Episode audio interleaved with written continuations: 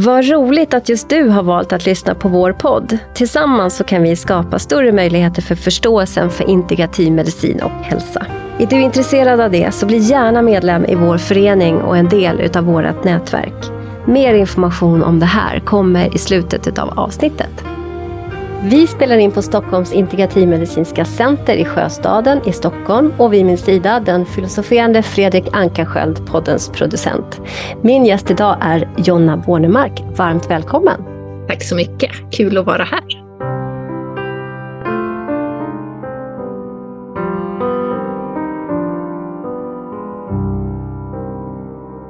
Ja, det är verkligen roligt att ha dig med oss. Det har jag längtat efter länge kan jag säga. Men jag ska börja med att eh, introducera dig för den som inte, mot förmodan, inte vet vem du är. Du är eh, professor i filosofi och disputerade 2010 på avhandlingen Kunskapens gräns, gränsens vetande, en fenomenologisk undersökning av transcendens och kroppslighet. Jajamensan. Du är idag knuten till Södertörns högskola och är forskare och lärare vid Centrum för praktisk kunskap. Och du forskar inom feminologi, existensfilosofi och praktisk kunskap. Och just nu så har ju du en hel rad med helt fantastiskt intressanta forskningsprojekt inom AI, kvalitet i skolan, kunskap mellan hund och människa, autistiskt skrivande och konstnärlig forskning. Mm, så kan man sammanfatta det. Ganska spretigt, men det håller faktiskt ihop. Ja, det måste jag säga. För mig håller allting ihop. Men, men kan du inte nämna lite grann de här forskningsprojekten? Alltså hur är det möjligt ens att ha så här många samtidigt? Jo, men det funkar faktiskt rätt bra, för de är väldigt fruktbara i relation till varandra. Och jag använder resultatet ifrån väldigt många av de här projekten eh, i min nästa bok. Som jag liksom... Mm, eh, som du skriver nu? Japp din sjätte? Ja, det blir det. Mm. För jag fick ju precis nu veta att du har ju efter din första avhandling också skrivit en, din andra bok var Kroppslighetens mystik. Mm. Kan inte du berätta lite om den? Den har jag aldrig hört talas om. Ja, men I avhandlingen så hade jag med en eh, kvinna som heter Mechtil von Magdeburg som levde på 1200-talet och var begin, vilket är någon sorts avantgardistisk eh, nunna, kanske man kan sammanfatta det som jättespännande person och hon hade en väldigt eh, spännande relation till sin samtid och till sin gud och sådär. Och det finns någon sorts grundtanke i att vem hade jag varit om jag hade levt på 1200-talet och varit liksom filosofiskt existentiellt intresserad. Ja, men jag hade nog varit kompis med Mechthild. Liksom. Så att eh, det, det handlar om, det, det, är någon sorts samtal mellan henne och mig och hur jag läser och tolkar hennes texter på ett sätt som gör att det blir levande filosofi idag. Och inte bara någon sorts religiös position på 1200-talet. Liksom. Mm, precis. Ja, hon fick inte riktigt plats så mycket som jag ville i avhandlingen, så hon fick en egen bok. Ah, så ur, som en, eh, liksom, en, en, eh, ett svar på din egen avhandling så skrev du en fördjupning om henne? Ja. ja gud vad spännande. Eh, du, i, I den här, eh, din, vad blir det då, tredje bok, Det omätbaras renässans, som jag faktiskt ska då säga att du gav ut 2018 och den blev minst sagt uppmärksammad. Jag tror du slog rekord i eh, eh, litteratur inom filosofi i försäljningssiffror. Jag tyckte ja, den, jag såg det. den sålde, jag vet faktiskt inte var rekord ligger sådär, alltså det, det har jag koll på. Det, den sålde bra. Den sålde bra och det stod Fortfarande faktiskt. Ja, det förstår jag. Den är fantastisk och den finns ju också för den som vill lyssna också på som ljudbok. Jag själv mm. Eh, lyssnar på den både på Storytel och på Net, Next Story och så vidare. Finns mm. och då ska och, man också köpa. Precis, och då ska man också notera att det är första delen som finns som ljudbok, medan del två och tre inte finns som ljudbok, så att eh, det, är en del av boken. Mm. Just det. Mm. Men kanske den, mest, den viktigaste delen, framför allt i någon sorts samtidskritik. Mm. Och där är du som också läser in. Mm. Vilket jag tycker i sig är väldigt så här, man får höra direkt från dig, författaren, din röst och sådär. Med intonationer och alltihopa som liksom blir på ett annat sätt. Mm. Ja, precis. Jo, för det blir en annan sak om någon läser upp som inte... Jag vet ju vad jag vill betona i en mening. Liksom. Exakt. Ja, den är helt briljant och det är också eh, en del av det vi ska prata om idag. För i Den omätbaras renässans, där kritiserar ju du faktiskt på svensk nutids mät och utvärderingssjuka på ett helt briljant sätt. Mm. Jag eh, pratade tillsammans med min, en av mina kollegor, Jörgen Hellosson, som du känner, eh, just om det här med att jag själv började inom psykiatrin på början av 90-talet. Och redan då, alltså då var jag eh, mentalskötare och då pratade vi väldigt mycket om att vad är det som händer? Politikerna, de sitter där och bestämmer saker som är så vidskilt från vad som faktiskt vi behöver på golvet och kunna vårda våra patienter. Det var så, man, det var så häpnadsväckande och det där har liksom bara fortsatt men ingen har liksom kunnat satt ord på det förrän du gör det med den här boken på ett så briljant sätt. Finns faktiskt ett gäng med föregångare. Jag tänker på Göran Rosenbergs bok om plikten och profiten, Mercedes Arembas artikelserie, Eh, men det finns lite, en del, jag, jag, tycker inte riktigt att jag var först, men, men jag, hade, jag har ju min analys och liksom, eh, mm. min begreppsliggörande. Uppenbarligen var liksom tiden mogen för det var många som behövde den verbaliseringen. Ja, så kan man säga då. Det är klart att det har funnits de... Som hade känt av liksom. Ja, mm. precis. Men det är klart att, att andra gått före dig, men, men det tog verkligen form. Och i slutet på den boken så skriver du också sådär att kvinnan behövs för att livgöra pedanternas värld. Och för mm. mig var det så här, Jonna behövdes för att livgöra filosofin igen på ett sätt. Mm. Och det kan, vi ju det kan vi ju prata om sen, för någonstans har du också skrivit så att det är något fel på samhället där filosofin växer. Jag tror att vi kan prata om det lite grann, för att för mig, så tänk, och för mig och för många, så tror jag att eh, det här är liksom, det kommer in i vårt sekulariserade, att vi har ratiofierat hela vårt samhälle och att vi, det har skett som liksom grodan som sakta, sakta kokas. Det har skett långsamt, men det gör ju någonting, som du skriver, om vår psykiska hälsa framförallt. Också fysiskt, tänker jag, men psykiskt. Så att, mm. Eh, men vi kommer dit, så det, det, har du liv gjort. Och det mm. var säkert de här männen som du pratade om tidigare, har liksom banat vägen för dig och sen så kommer du som kvinnan och livgjorde det här. Det är vi väldigt tacksamma för på alla sätt.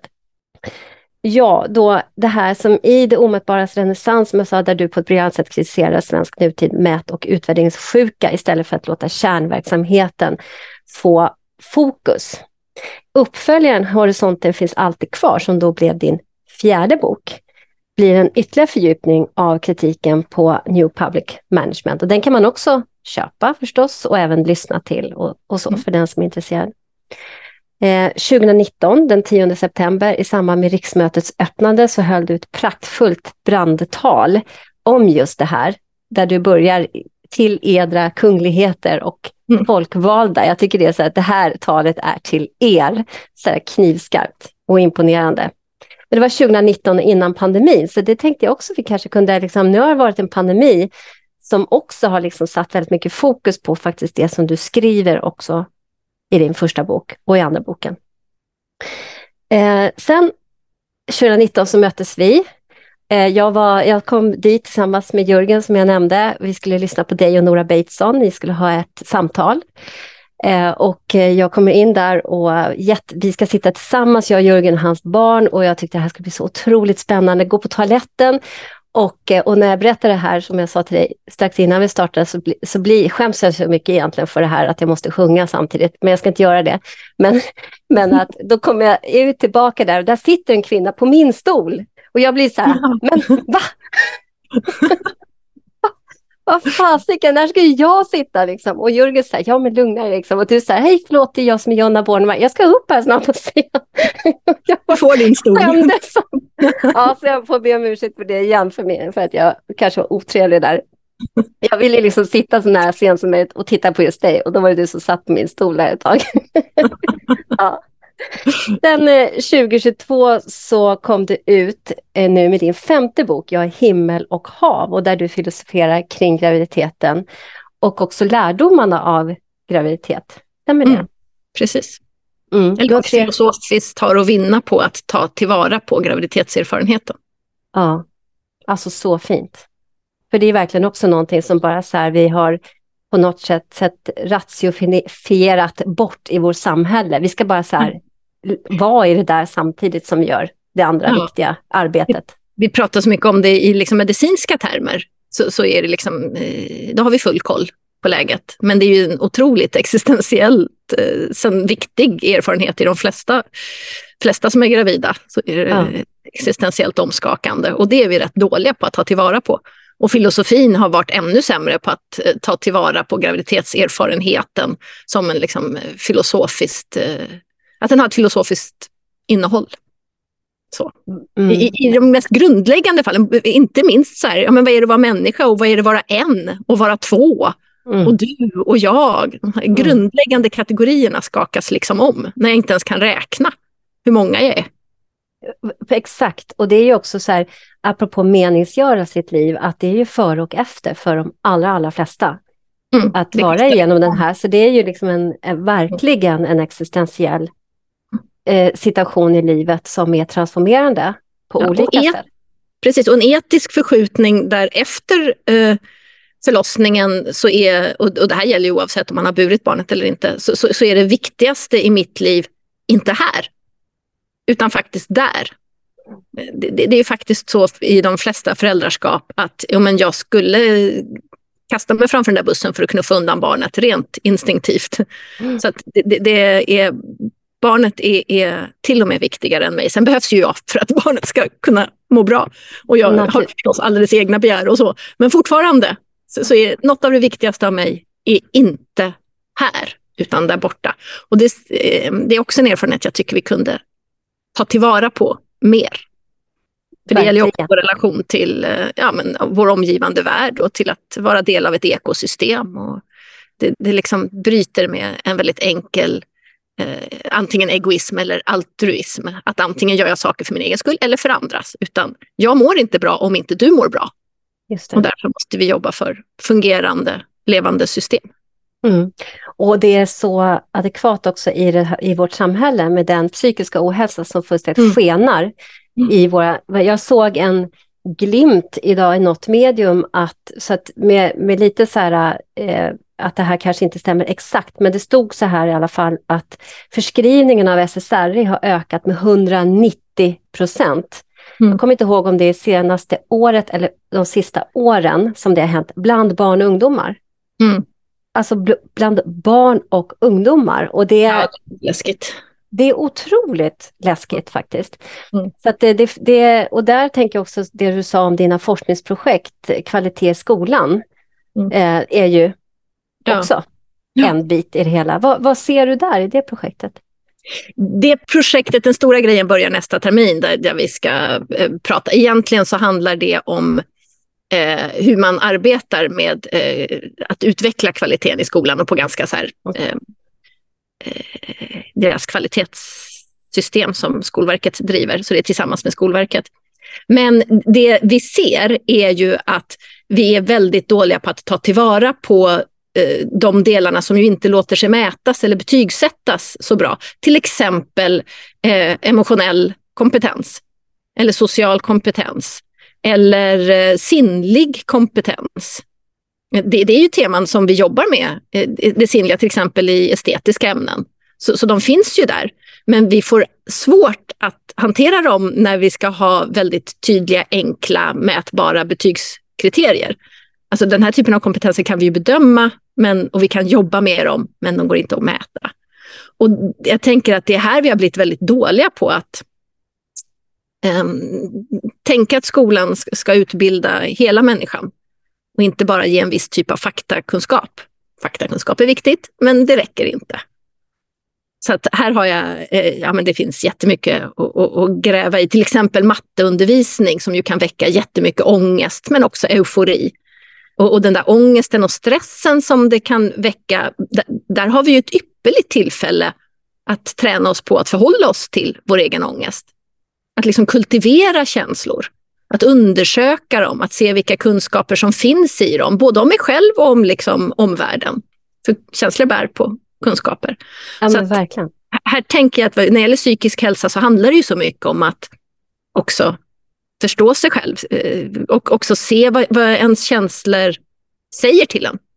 Eh, vad, vad, som ibland behöver ändras och ibland så är det ju ett samhälle som behöver ändras. Eller ett, eh, ja, ett helt system och då är det inte så lätt. Eh, men, men, men, jag tror i alla fall att vi har väldigt mycket att vinna på att bli klokare i, även, och fortsätta att liksom bilda och kultivera de här svårmätbara sidorna. Verkligen, och jag, jag är ju psykoterapeut och jobbar väldigt mycket med, jag jobbar med vuxna också, men jag har en hel del tonåringar i min praktik som kommer hit av det vi pratar om. Mm. Och när vi, när vi pratar så det, det, som, det som de ofta kommer till och som jag också förstås leder in dem på är någonstans av det här med livskunskapen av att mm.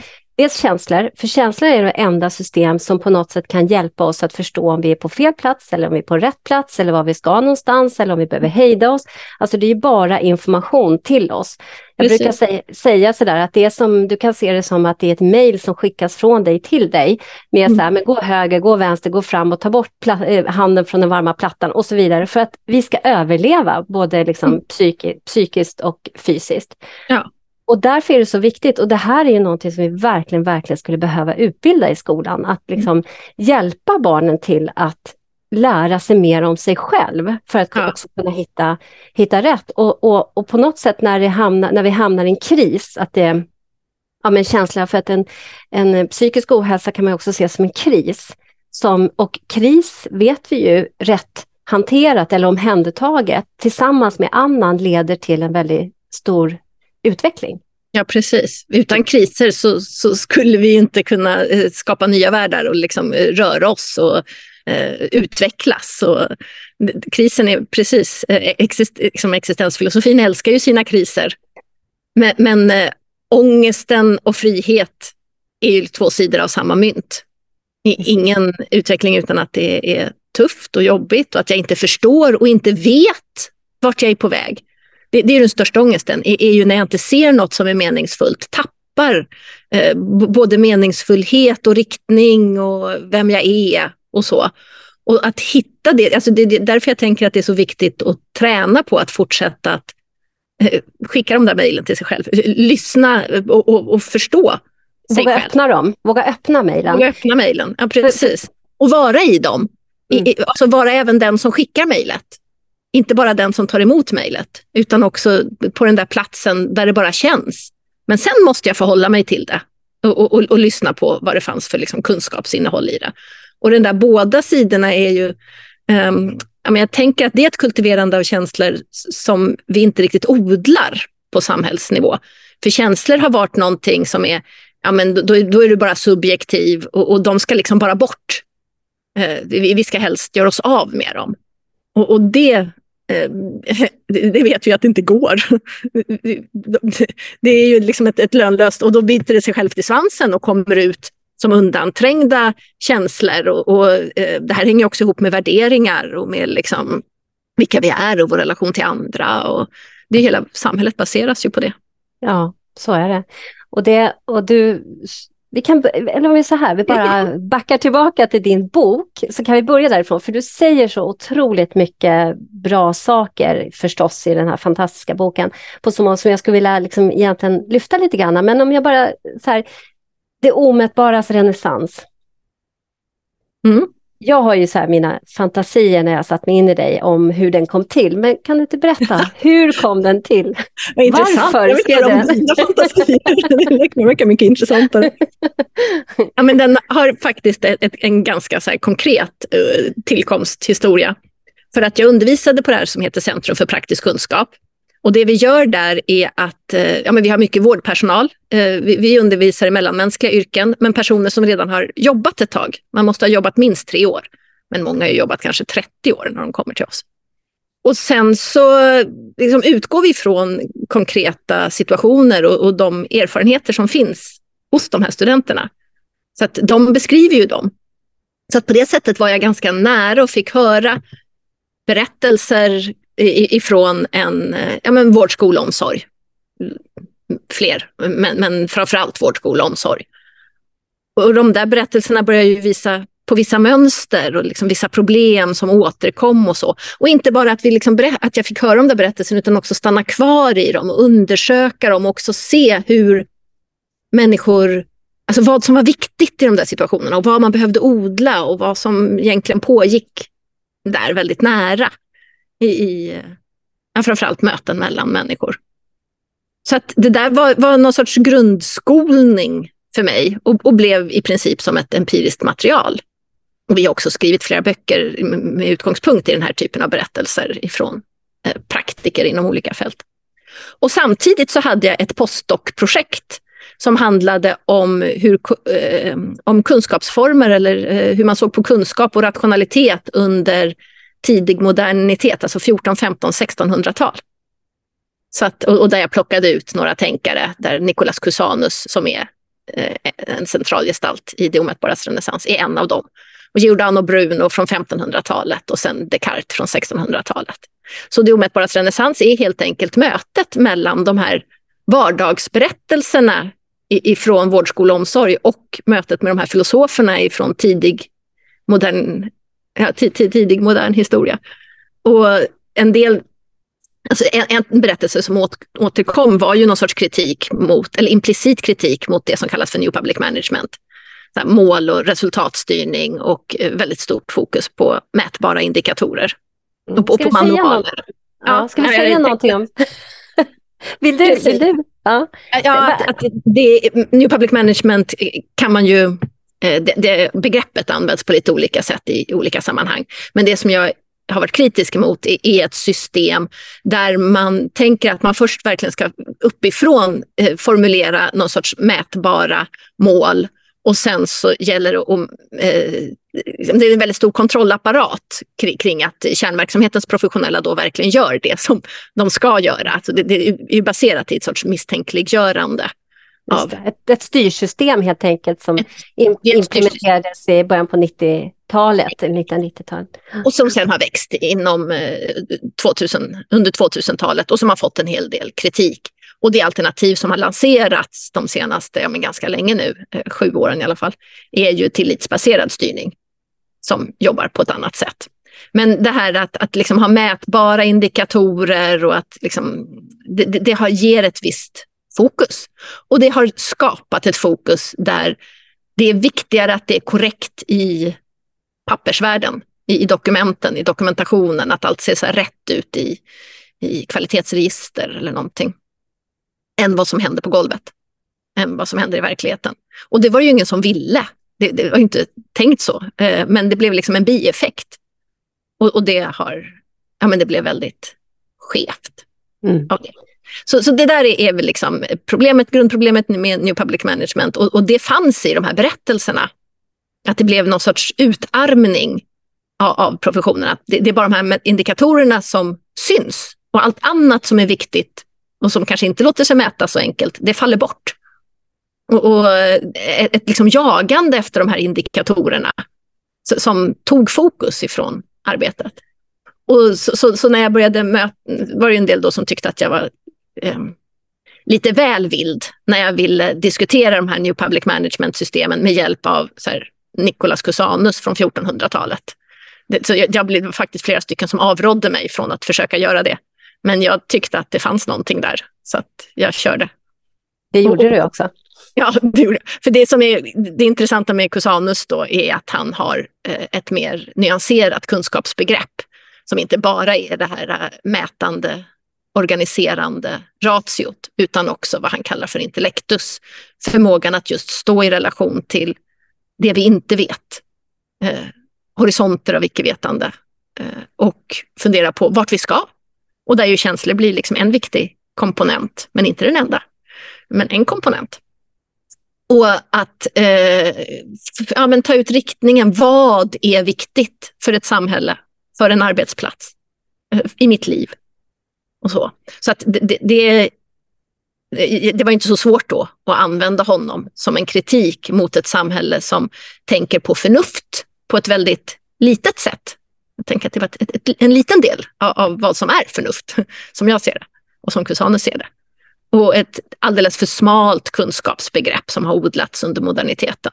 Men det som är intressant då här i början av moderniteten är att det var ju då de föddes. Eh, och, och, och så, så jag ser ju vad vi liksom har lyft fram i moderniteten, men det fanns en mycket bredare syn. Så de här historiska perspektiven eh, gör att man inte blir för uppäten av eh, samtiden. Så, så, det är väl någon sorts metod som jag sen liksom tyckte om och har eh, gjort, använt mig av vid fler tillfällen. eh, den här närheten till en samtid genom att samarbeta med folk som inte då är personer som jag intervjuar, utan personer som skriver själva om sin yrkeskompetens eller om sin situation. Så gör jag på det här skolprojektet också. Eh, och använt i, även med de eh, autistiskt skrivande, så är det personer med autism eller autister som eh, skri, liksom skriver och pratar och berättar om sin situation. Och sen så att man kan få syn på vad som händer där med hjälp av den här distansen som de historiska perspektiven kan ge. Så närhet och distans. Mm. Ja, och, det, och jag tänker också att den här första, alltså allting sitter ihop på något sätt, vilket du också visar med den här förmoderniteten. Och du kanske kan nämna lite om Bruno sen med Cusanus mm. Bruno, sen kommer Descartes. Du beskriver det här så målande också, hur det är ett skeende som pågår. Det.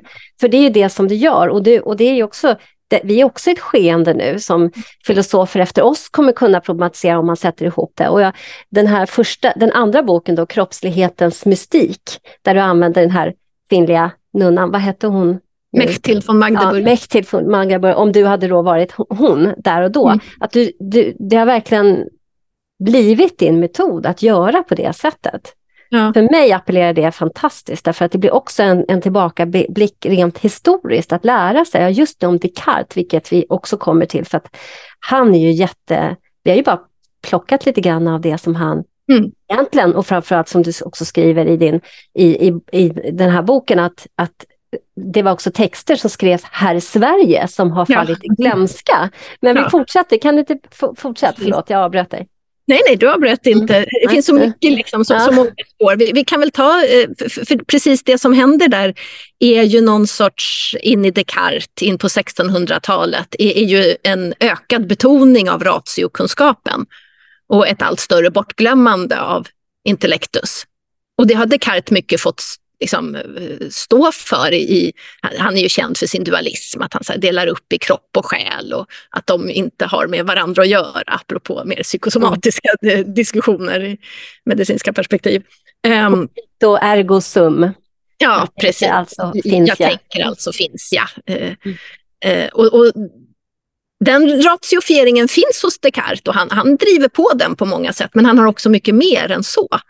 Han har också en eh, hans sista bok, som ju alltså då skrevs delvis i Sverige precis innan han dog, den handlar om, eh, den heter Själens passioner på svenska och är en helt fascinerande bok där han delvis då förstås, han släpper ju inte dualismen helt och hållet, men har en mycket mer nyanserad syn och, och diskuterar ehm, um, men känslornas roll och, och, som är väldigt mycket i samklang med det du sa tidigare här, vad, vad känslorna liksom gör i ett liv.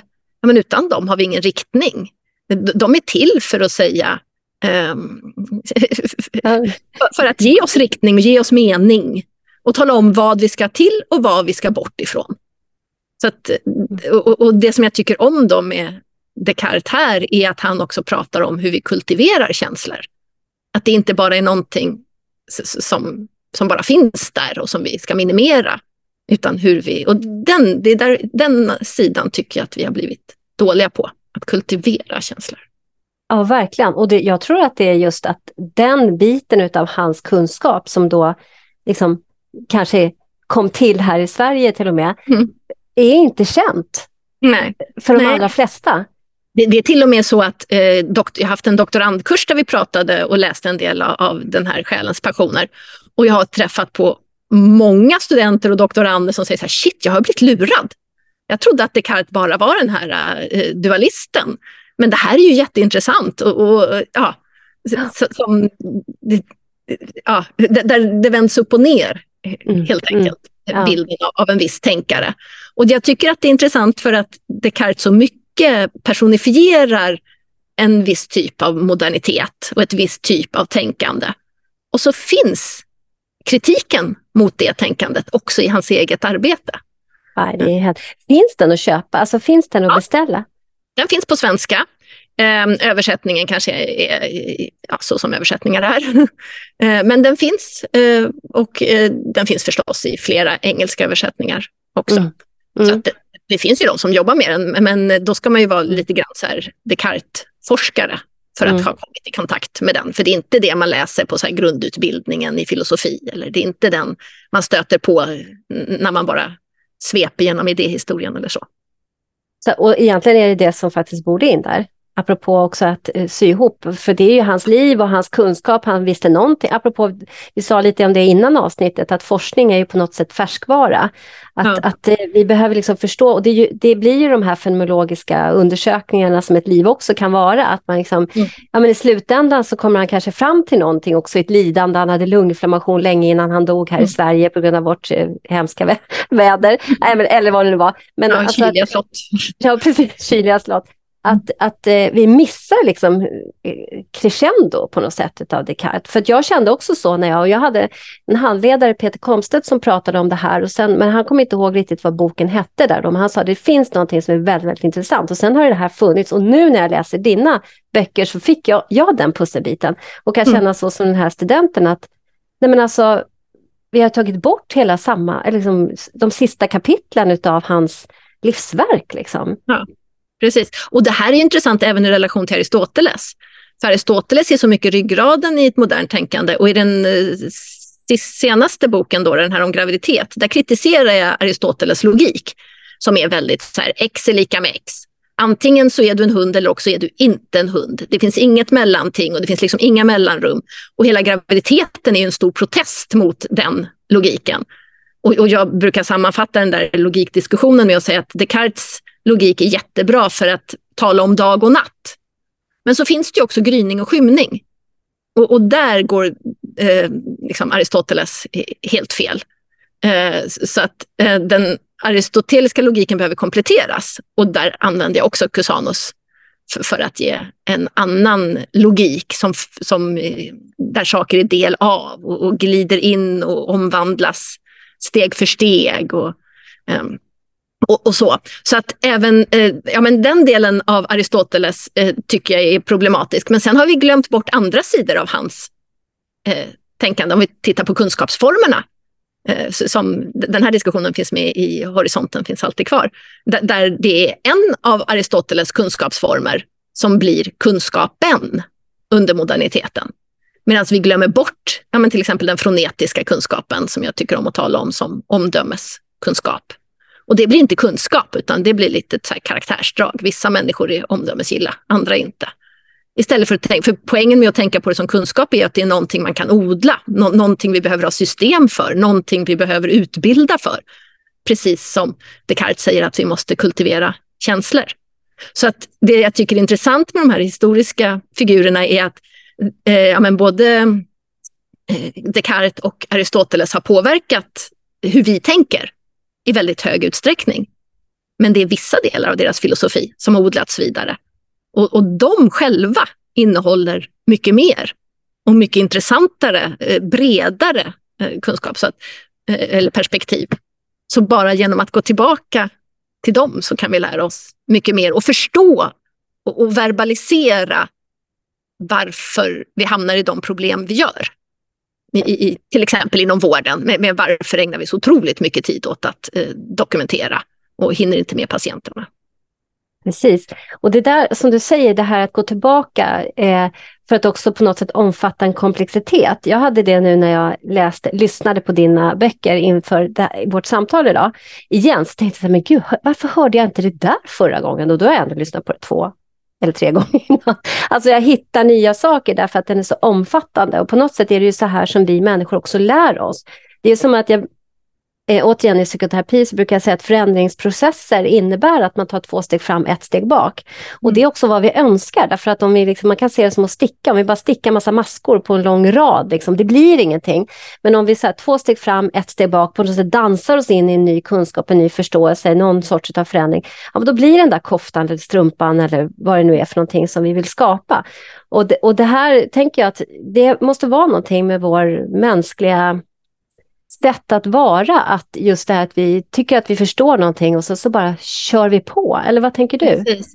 Jo, men det där steget tillbaka i, i, tycker jag pekar på eh, icke-vetandets roll. Det är ju eh, en, en, central poäng.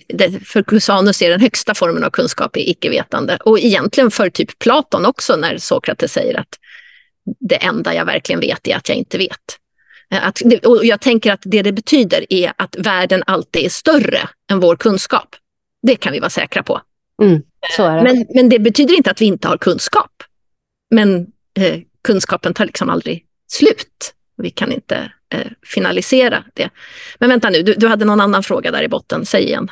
Jo, att eh, det här med vårt sätt att tänka. Jag, jag, jag, jag, skulle vilja flätta in det i någonting som kom till mig nu när du sa det här sista. Att, eh, att, att just det här med, vi jobbar ju för integrativ medicin och hälsa.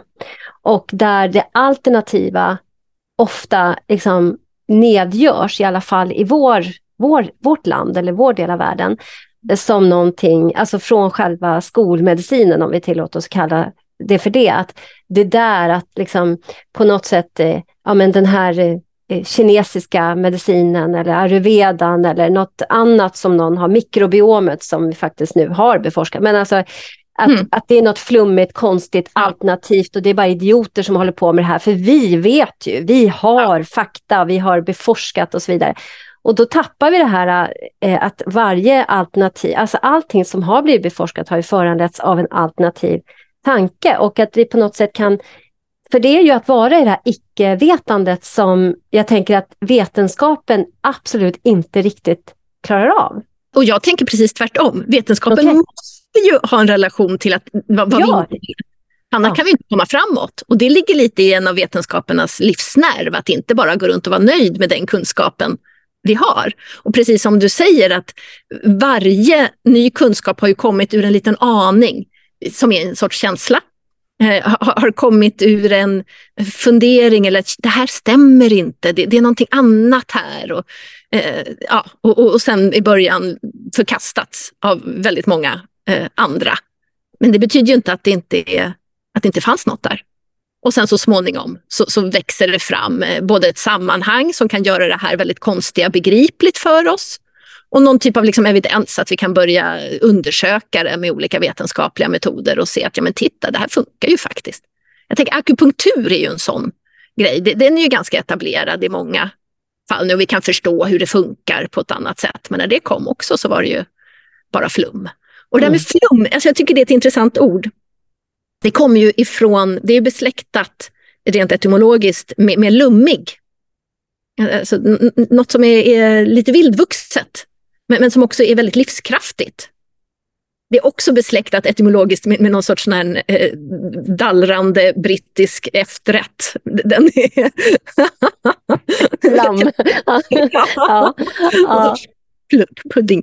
Ja. Eh, men det här lummiga, som på ett sätt är, är jag gillar både att det är livskraftigt och att det just är svårt att kanske se konturerna på det. Mm. Men det är sånt som, som borde väcka både praktikers och forskares nyfikenhet. Jaha, men vänta, här finns något livskraftigt. Mm. Kan vi ta tillvara på det? Vad händer då? Kan, kan vi undersöka det?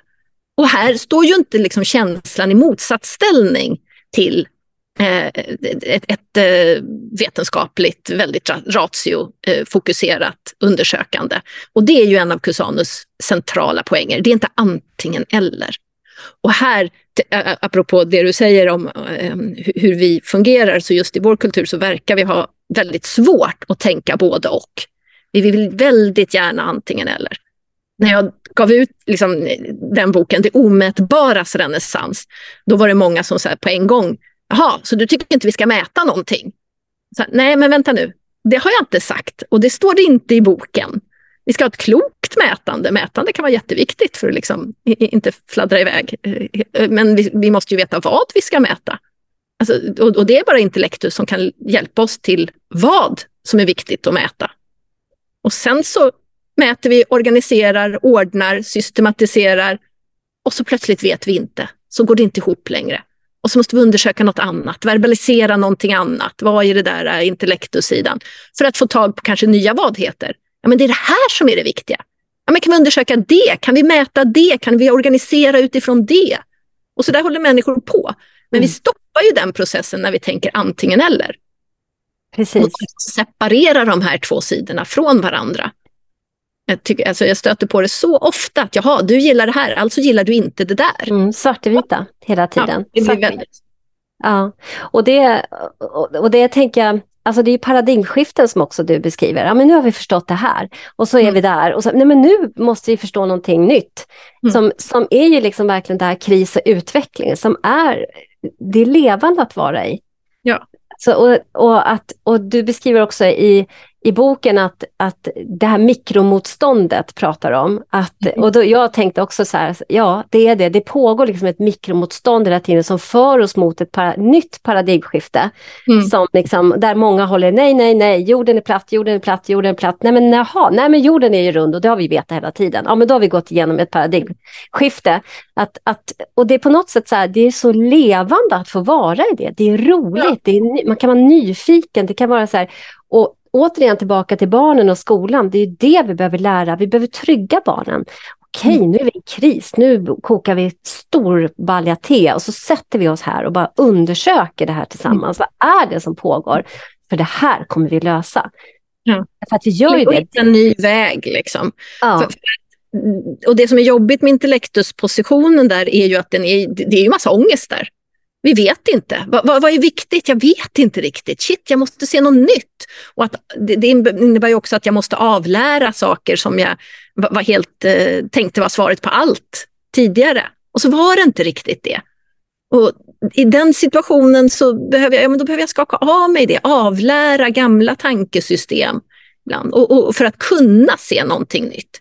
Ibland tänker jag till och med på eh, depression. Där skrev jag lite om i, i graviditetsboken för att eh, den stora omvälvande scenförändringen är det är väldigt många, framförallt de då som är fysiskt inblandade, eh, kvinnorna som är gravida, eh, som har eh, någon typ av depression eller blir väldigt låga eh, innan barnet är fött eller efter baby blues. Det, det är liksom en väldigt vanlig Eh, och, och, jag tänker att det också, och, och, så blir det paradoxalt, för så här, ja men det är nu jag ska vara lycklig, det, det, är nu, åh vad härligt. Och så går jag bara runt och tycker att livet är tomt och konstigt. Och det är inte ett dugg konstigt, för det är ju en som en utandning. Jag måste ju liksom tömma ut för att kunna andas in. Eh, och, och för att kunna liksom skapa ny, för att kunna skapa plats och låta det här barnet vara med och skapa den nya platsen så måste jag avlära, så behöver jag andas ut. Och jag tänker att depression i ett sunt system kan liksom vara en del. Det är okej att gå runt och känna sig låg. Det, det är okej att liksom tycka att någonting blir meningslöst eller att livet blir meningslöst. Så länge jag inte fastnar där förstås. Det är alldeles nödvändigt att ja. göra det ibland. För ja. att låta tomheten ta plats, för att låta någonting nytt komma in. Ja, och, det, och det är det som vi behöver liksom det behöver faktiskt omskapas i vårt land. För det är en stor orsak varför psykisk ohälsa liksom skenar. Och där, där tycker jag ju att just att du, jag tycker det att du har fört in filosofin. För filosofin problematiserar och levandegör vår kontext. Pekar på, och det gör du på ett helt... Det finns fantastiska filosofer och andra där ute också som har gjort det. Men, men du kom liksom med den här kvinnliga aspekten på, på filosofi som verkligen levade det relationella eh, mm. in i filosofin som, som jag tror landade så bra. Mm. Du, du nämnde någonting om det här med eh, tillitsbaserat istället för New Public Management. Men nu avbröt jag dig såg jag. Vill du säga någonting innan? Nej, jag bara tänkte på, på vad liksom, jag, jag hör ju till de som kan ha lite så svårt med begreppet kvinna eh, på, på ett liksom enkelt, oproblematiserat sätt. Eh, men om vi tittar kulturellt så, så, har vi odlat en manlig och en kvinnlig kultur och där det kvinnliga har liksom fått stå för vissa saker och det manliga har fått stå för vissa saker. Och så haft en tydlig hierarki. Och i Sveriges så här likhetsfeminism så har det handlat mycket om att eh, vi som kvinnor ska eh, få vara som männen och jag kan bli professor i filosofi. Vet du när, ja det vet du kanske, eh, eh, den första kvinnan disputerade vid Stockholms universitet? De Nej. flesta blir ju ganska chockade när de får reda på att det var mm. år 2000. År 2000. 2000. Herregud. Så under 1900-talet fanns ingen ah. disputerad kvinna Nej. i filosofi. Så här finns det ju liksom, det, det är inte så märkligt då att, att graviditeten inte har tagits tillvara inom filosofiämnet. Det är liksom en väldigt gubbologisk historia. Men lika fullt så, så tänker jag att det här handlar ju om, två liksom kulturtraditioner. Och idag så ser vi, när vi hör, pratar om en manlighet i kris och så, så börjar, måste vi liksom skaka om de här och inte bara vara fastlåsta i om vi är kvinnor eller män eller liksom, eh, vilken, hur, hur, vi förhåller oss till de här två kulturerna, utan vi måste liksom kunna blanda och ge. Och mycket i det här traditionellt manliga, ja men det är jätteviktigt och skitbra, men vi behöver inte ha antingen eller. Så, så jag vill ju ha ett liksom bredare, precis som, som med så här, kropp och själ. Vi behöver inte välja antingen eller, ratio eller intellektus. Utan jag, jag behöver ta till mig liksom någon sorts både och för att bli en, en komplett människa. Och här, men men, men det, det du ändå var inne på, det här är mitt, jag bara känner jag måste lägga ut texten lite grann kring så här, vad, vad ja, gör det. kvinnan det är, är ja. mm i, i det här. Äh, för att i någon sorts enkel kulturhistoria så har mannen stått för förnuftet och kvinnan för kroppen och känslan. Eh, och att ta tillvara på den, eh, de perspektiven har, har, ju då, eh, alltså någonstans där, och jag vill hellre kanske lämna kvinnan och mannen och prata om ratio intellectus. Att, eh, ett, ett, det som är intressant med ett ratio är ju att det liksom stelnar. Eh, det, det, mm, eh, det är som lera som man slutar knåda. Det, det blir liksom hårt.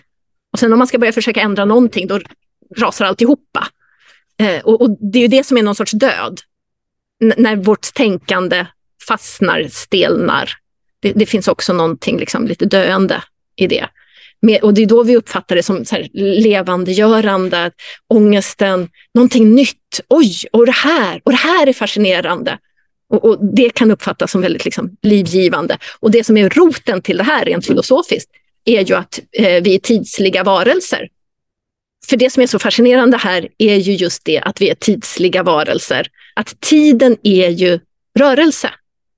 Liv är inte stabilt. Eh, vi kan inte säkerställa. Eh, det finns inte så en hållbar lösning. Utan eh, liv är sin egen rörelse och vi som levande försöker hålla fast vissa delar. Och det måste vi göra, hålla fast oss själva.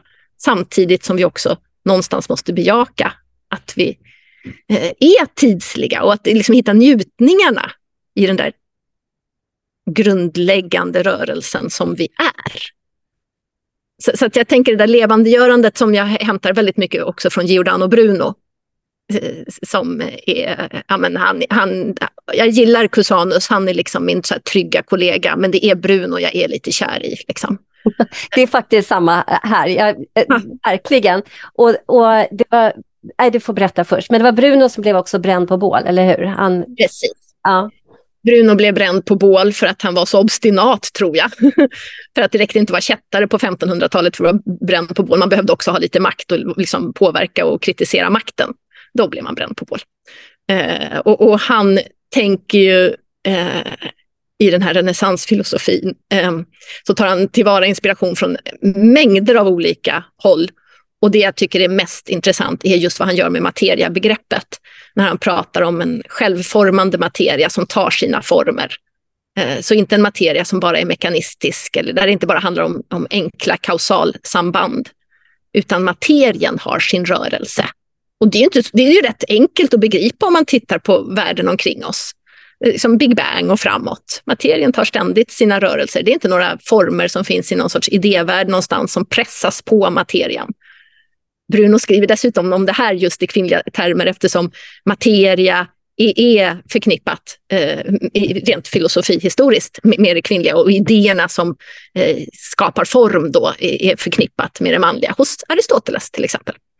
Eh, men hur Bruno säger att den här kvinnliga materian, hon, hon tar nya former som ständiga älskare eller någon sorts eh, onani där hon, hon ständigt liksom kan hitta sitt eget begär och sina egna nya eh, former. Så att den texten har onekligen någon sorts feministiska vibbar. Ja men verkligen. vad, vad skrivs det här? Vad, skri, vad kan man hitta de texterna? Um, ja, den texten uh, finns uh, på engelska, inte på mm. svenska. Nej men, men är, eh, det är framförallt en passus. Jag tror faktiskt att det finns i andra delar av det omätbaras renässans. Mm. Så, så beskriver jag just den passusen. I mm. relation till eh, Varela och, eh, och vad heter de? Åh, oh, vad det var länge sedan jag höll på med dem känner jag. Det är biologer idag som, som mm. är inne på liknande Mm. Och mm. även, eh, för att bara dra ihop till ett mönster, Ann Fernholm, känner du till henne? Vetenskapsjournalist. Hon, hon problematiserar ganska mycket socker. Eh, mm. En helt annan ram, men hon, mm. hon är med i podden, eh, ganska, för jag tror att det var ganska i början, där hon beskriver att det man har förstått och det man har hittat som faktiskt är det som liv gör i mat är någonting vi kallar för mörk materia. Jaha. Där är det livgörande, det närande och så vidare. Det är jätte, jättespännande. Jag ska inte lägga ut det här för det, det men apropå det du säger, att det, det, det finns det här livgörandet finns i, i alla ramar egentligen som vi inte kan mäta, som ja. inte kan omfatta, men det är det som liksom livgör på något sätt. Och ska man dra en väldigt enkel eh, parallell till det här så, så, kan man se hur en väldigt stort fokus på att dokumentera och att ha liksom papperna i ordning, det har ju också någon sorts själadödande eh, effekt. Det är väldigt få människor som känner att det är det som jag brinner för. Det är liksom det som är, eh, om man är i ett människovårdande yrke, så är det sällan just den sidan som man tycker är, är eh, livets krydda. Medan däremot just mötet med, med, nya patienter, att kanske kunna hjälpa någon, att vara i det här föränderliga, att kanske inte riktigt veta vad som är bäst för just den här patienten, att, att få använda hela sin professionalitet till att hitta en väg framåt. Det tycker jag, det, det har väldigt många i, i vårdande yrken beskrivit som, ja men, ja men det är där jag lever. Det är det. Och, och, det är ju också situationsbaserat. Alltså det är just den här patienten, just den här situationen så måste jag uppbåda alla mina teoretiska kunskaper, alla mina erfarenheter, alla mitt, hela mitt kännande, hela min sinnlighet för att förstå och för att kunna handla och kunna liksom göra världen till en bättre plats för någon eller några och därmed för ett helt sammanhang. Mm. Och Det är oftast det som är eh, drivkraften. Och sen så när vi ska... Problemet när, när dokumentationen blir viktigare för att det är viktigare att visa uppåt och utåt vad vi gör än, än vad vi gör. Eh, det, det, finns ganska väl, dokumenterat, väl beskrivet att, att vi har rört oss åt det hållet på 2000-talet. Jag tror mm. Socialstyrelsen säger någonstans att ja, men är det inte dokumenterat, dokumenterat så har det inte hänt. Liksom. Nej, just det. Då kan inte vi se det. Uh, och det blir också det maktperspektivet. Ja. Men, men uh, ja, där har vi någon sorts utarmande, någon sorts uh, utdöende. Och ibland tror jag att så utmattning och så handlar inte bara om att man springer så fort och att man stressar, utan också av att man tvingas in i arbetsuppgifter som man inte mår bra av heller. Och, och där finns ju den etiska stressen, att jag måste göra eh, det här eh, pappersarbetet blir viktigare än det vårdande arbetet. Men mitt hjärta är i det vårdande arbetet. Mm. Och, ja, det, det, gör oss ju också eh, vårdarbetare sjuka. Ja, verkligen. Och där vi har utifrån New Public Management här med riktlinjer och manualer. Jag vet flera av mina kollegor, eh, och alltså som både sjuksköterskor och psykoterapeuter, men också vänner som är läkare, som, som säger så här, ja, egentligen så vet jag att jag kanske borde göra det här, men det står inte i riktlinjerna. Och jag vågar inte gå emot riktlinjerna, mm. så då gör jag inte så. Och det blir liksom till slut, de som väljer det, för många av oss väljer ju faktiskt att gå ut och jobba i egen privat mottagning som vi till mm. exempel här gör, för att vi inte vill vara i den mm. etiska stressen, utan faktiskt göra det som vi vet och kanske många av oss har också väldigt koll på den forskning som kommer och så vidare. Och där är ju riktlinjerna kanske inte alltid uppdaterade och så vidare. Och så vidare eh, väljer någonting annat. det kanske liksom... finns en samsjuklighet och det kanske finns liksom en, en, en svårövergripbar eh, situation. Verkligen. Och, då, och, och där, men att man säger det, att mm. nej, jag, jag kan inte göra det, utan eh, det blir, då, då, går jag enligt riktlinjen liksom, och istället. Mm. Och det, det är väldigt, väldigt olyckligt. Därför ja. att det är också apropå att man pratar evidens, att det är inte en evidensutvärderad behandlingssituation heller, men där är det ju också liksom, det är också en semantisk diskussion om huruvida vi använder oss av ord och olika ankare av till exempel evidens och så vidare, men det är en annan, ett mm. annat avsnitt kanske, men mm. just att inte fastna i det här och någonstans förstå, och där är det ju liksom det här som du beskriver, mikromotståndet. För vi är ju många som är i det mikromotståndet. Och jag mm. själv tog det till så här, ja men alltså mikromotståndet är ju så för, förlåt att jag nästan tänkte svära nu, men Alltså det är så kraftfullt. Det har fått den tyska muren att rasa en gång tiden. Ja. Alltså det är folket. Vi har så mycket makt egentligen, men vi ger makten till våra till exempel folkvalda eller andra. Och de, någonting som du sa, som jag tänkte citera dig här då också i boken, var att makten vill alltid frysa den ordning från den härskar och mikromotståndet fortgår som alltid. Och det är den som förändrar. Mm. Att vi måste veta att vi har så mycket, bara vi lyfter vår röst, bara vi tar reda på, bara vi ställer krav, bara vi liksom gör det här. Men vi blir liksom bakbundna och så, det har ju varit så årtusenden ja. tillbaka att vi blir det. Det absurda är att ja, men vi har ju de där riktlinjerna eh, som du började i, för, för, att det ska vara god kvalitet. Men här blir ju riktlinjerna kontraproduktiva och sänker kvaliteten. Och då är, alltså, manualer och riktlinjer är ju väldigt bra tjänste redskap. Men de är fruktansvärt dåliga herrar. Och problemet när vi liksom helt riktar in oss på att det är det som är jobbet, men då blir vi ju sämre på våra jobb. Alltså, det, det kan mm. inte vara rätt väg för att höja eh, kvaliteten. Absolut inte. Så och, och, sen så när det kommer till mikromotstånd, i, i uh, Horisonten-boken så skriver jag också om makromotstånd. För jag, jag, fick också en kritik mot det där med mikromotståndsbegreppet. För jag, jag, det var ju så jag tänker också, att saken är ju den att inga så väldigt fyrkantiga ratiosystem skulle fungera om, om det inte fanns något mikromotstånd. Om alla, i, I eh, Storbritannien så finns det ju fackföreningar som säger, ha, har som hot, ja, men om vi inte får igenom våra krav här så börjar vi så här, work by the book. Och då vet alla att då, då, då, då kraschar systemet om alla plötsligt ska följa varenda riktlinje. Mm. Då funkar ingenting längre. Mm, intressant. Eh, Ja, men eh, i den eh, situationen då så Visst, det där lilla liksom, motståndet kan ju också vara det som då håller någon, saker och ting, ett skevt system flytande. Mm. Ja. Och där tänker jag att det också är viktigt med en typ av makromotstånd som jag skulle kanske vilja sammanfatta som att eh, bygga allianser. Eh, driva, välja sina strider Eh, börja tänka mer systemförändring. Mm, Hitta, så, så, att mm. den eh, mikromotståndet utesluter inte makromotstånd. Jag tror att de behövs båda de sidorna. Men, men jag tycker det viktigaste av det, i det du säger är att vi har makt. Eh, alla människor, allt levande, har, vi är makt. Vi är makt.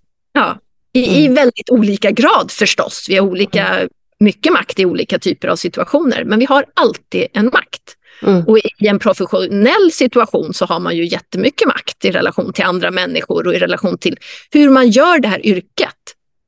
Och här skulle vi ju ibland också önska lite mer civilkurage i hur man använder den makten. Att man inte bara eh, ser till att inte göra fel, och, och liksom, utan att man står för det som man står för. Mm. Det, det eh, tycker jag är allt viktigare. Det är verkligen viktigt och eh, där tänker jag också att det handlar mycket om att jobba på den enskilda individen och eh, i min ram då sin relation till skam. Ja. Att man faktiskt har en mogen relation till sin skam. För har man en mogen relation till sin skam, liksom är kompis med sin skam, mm. då vågar man mer också och vågar vara mer, ha civilkurage. Därför att om vi är rädda för att bli skammade eller är skamlösa själv, då, då blir det på ett helt annat sätt. Och då, ja. då är vi också lättstyrda på ett helt annat sätt. Just det. Och det är någon och, sorts också självkännedom i botten av... Ja, ja, ja, absolut, verkligen. Och just med barnen, med tanke på barnen, så är det vi vuxna som behöver göra det först. Mm. Och, och då lär sig barnen. Eh, Fredrik sitter här och vinkar för vår tid har mm. runnit ut. Det, alltså det har gått så fort så att det är helt galet. Jag, hur mycket tid som jag skulle prata med dig om. Men jag tänkte fråga två saker. Eh, dels om det är någonting som du skulle vilja att vi lyfter innan vi avslutar. Mm. Eller någonting vi inte har berört som, som eh, du tycker är viktigt. Eh, och så ställer jag min andra fråga sen. Jag ställer den först. Mm. Mm. Men en sak jag skulle vilja betona är kanske att Och om vi bara stirrar oss blinda på mätbarheter och att saker ska vara synliga uppåt och utåt, ehm, då kommer vi inte komma någon vart. Däremot så måste vi kunna göra bedömningar och vi måste framförallt ha någon sorts tillit eh, till varandra. Eh, och både uppåt och neråt och till kollegor och till patienter. Mänskliga relationer utan tillit fungerar inte. Eh, hur många manualer eh, och evidens vi än har. Så, så att liksom få syn på också i sitt egen, sin egen yrkesutövning hur det där fungerar. Tillit är ju inte samma sak som att vara blåögd. Det, det betyder inte att man inte har en, en kritisk apparat. Men eh, basen måste vara en tillit. Mm. Så jag skulle vilja jag betonar den sidan. Eh, jo, jo, men att omdömeskunskap, intellektuskunskap, det Aristoteles kallar för fronetisk kunskap, det vill säga situationskunskap, det är kunskapsformer. Och vi kan födas med olika typer av begåvningar, men vi kan alltid bli bättre på det. Vi kan odla det. Vi, vi, kan bli bättre på de här sidorna av att kunna hantera våra känslor, av att kunna vara subjekt, av att kunna ha, värdera saker och ting, av att kunna ha en eh, klok situationskunskap i en viss Hur möter jag just den här människan just idag? Det är faktiskt eh, sidor av människor som vi kan träna på och, och, prata med andra om. Och då behöver man ha just den där insikten i sin egen skam och sin egen otillräcklighet. Och, och, och inte vara rädd för den och se att ja, men jag kan röra mig i relation till det också. Uh, och, inte bara sky det eller tänka men det där är bara flum, så, så det ska vi bara vända ryggen till. För då kommer vi som mänsklighet att ligga rätt risigt till. Så är det verkligen. Och då ställer jag min andra fråga och det är eh, om du skulle vilja, när du har tid, komma tillbaka till podden och prata vidare och ta utgång i din bok som du har skrivit, Jag är himmel och hav, men också mm. den du skriver just nu. Och att vi kan fortsätta det här som en filosofisk undersökning för vi som verkar inom integrativ medicin och hälsa och även våra patienter som som behöver. Vi brukar säga det att integrativ medicin och hälsa, det är inget motsatsförhållande, utan det är därför också podden heter både och istället för antingen eller. Att mm. det, vi är duktiga på preventiv hälsa. Vi är duktiga på att återta vår hälsa efter sjukdom, men vi har också mycket att bidra med parallellt till eh, till en, en, alltså en, ett, en behandling helt enkelt, i vilken form den än kan vara. Mm. Och där det mm. existentiella, filosofiska har liksom en given plats. Mm. Ja, men visst, framförallt den boken. Jag är ju alltid mest intresserad av att prata om den bok jag jobbar med just nu. Såklart.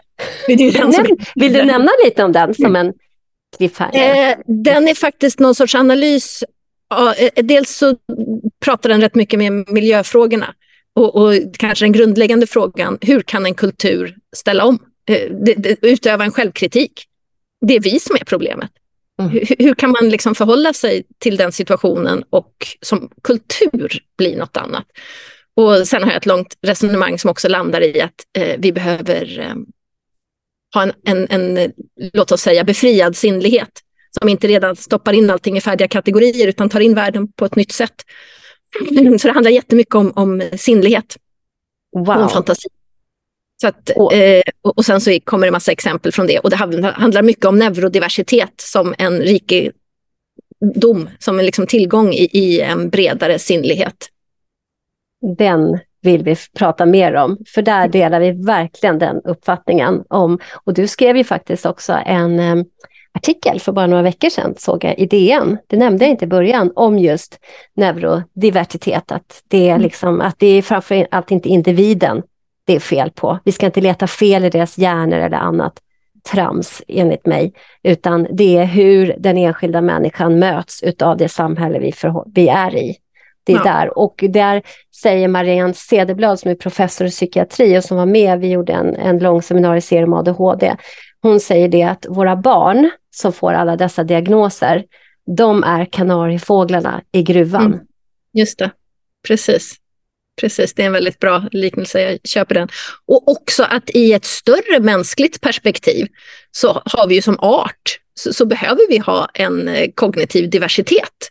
Att det är en rikedom för oss som art. Och, och, det är ju inte så svårt att se att personer med autism och ADHD har, har bidragit eh, historiskt sett på, på, en mängd olika sätt. Så det finns inte bara ett förtryck utan det finns också en, en komplex kultur som inte skulle se ut som den gör om vi inte var neurodiversiva mm. som samhälle. Men det blir smalare och smalare. Och, och, vi har liksom en rörelse här som inte riktigt går åt rätt håll, där, där man måste vara på ett visst sätt för att kunna funka i skolan till exempel. Och det behöver vi verkligen titta på med lite nya ögon. Och, och diagnossättandet är liksom någon sorts symptom på en situation. Mm. Och vi kan inte stanna i det, vi måste se vad det, vad, vad det står för, vad, vad det är som händer där bakom. Liksom. En av mina söner säger så här, mamma, skolan är piska utan morot. Och det är mm. det som gör att det är så himla jobbigt att vara där. Mm. Det ligger väldigt mycket i det. Mm. Verkligen. Jonna Bornemark, stort, stort varmt tack för att du ville bidra med din kunskap och vara med i det här samtalet och gästa vår podd. Tack för att du kom. To be continued helt enkelt. Alltså mer än gärna, verkligen. Tack så jättemycket. Tack så mycket för att jag fick vara med.